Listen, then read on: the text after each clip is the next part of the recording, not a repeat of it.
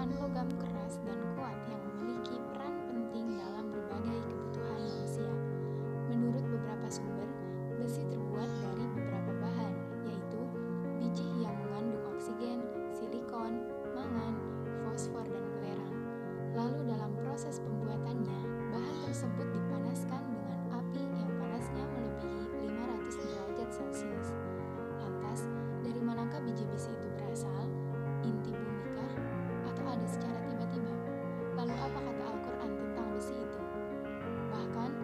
satu elemen kimia